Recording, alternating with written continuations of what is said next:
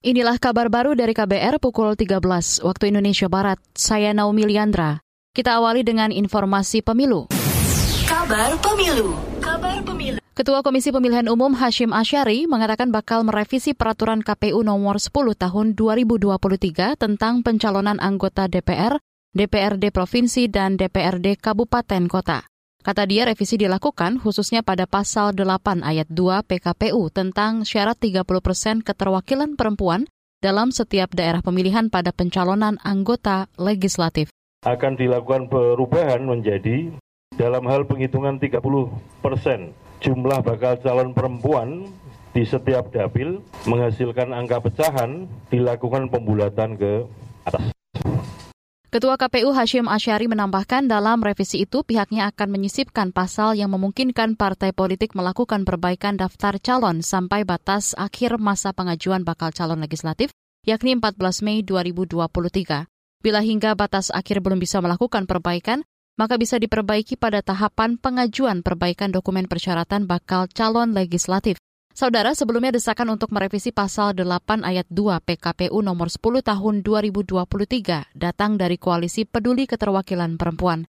Mereka menyampaikan keberatan atas pasal tersebut karena dinilai mendiskriminasi perempuan dalam proses pendaftaran bakal calon legislatif. Deputi Bidang Koordinasi Ekonomi Digital, Ketenagakerjaan dan UMKM Kemenko Perekonomian RI, Rudi Salahuddin, mengatakan transformasi ekonomi dan keuangan digital merupakan elemen kunci dalam upaya pemulihan ekonomi pasca pandemi. Hal ini terlihat dari meningkatnya nilai ekonomi digital Indonesia pada tahun 2022 lalu. Rudi menekankan pentingnya peran inovasi dan teknologi dalam membantu menjaga daya saing maupun ketahanan perekonomian nasional. Apalagi selama tiga tahun terakhir perekonomian nasional dihadapkan pada sejumlah tantangan akibat adanya pandemi COVID-19 dan rentan gejolak ekonomi global. Pada tahun 2022, nilai ekonomi digital Indonesia mencapai 77 miliar US dollar atau tumbuh 22 persen dari tahun sebelumnya. Sehingga kita menjadikan uh, Indonesia uh, sebagai pemain utama ekonomi digital di regional dan menguasai lebih dari 40 persen pangsa ASEAN. Tahun 2025 nilai tersebut diprediksi akan meningkat dua kali lipat menjadi 130 miliar US dollar dan terus akan naik hingga mencapai 360 miliar di tahun 2030 mendatang.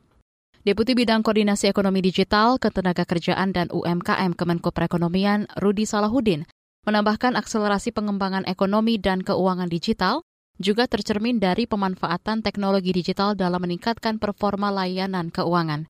Diketahui transaksi uang elektronik atau e-money per Maret 2023 tumbuh 11,39 persen mencapai 34,1 triliun.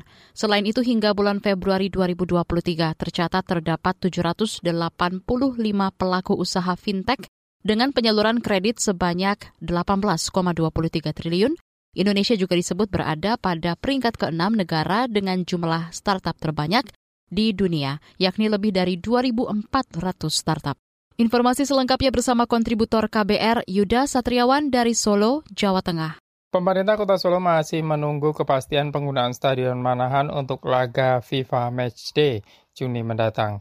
Wali Kota Solo Gibran Raka Buming Raka mengatakan ada beberapa timnas negara lain yang dikabarkan ikut berlaga di Indonesia.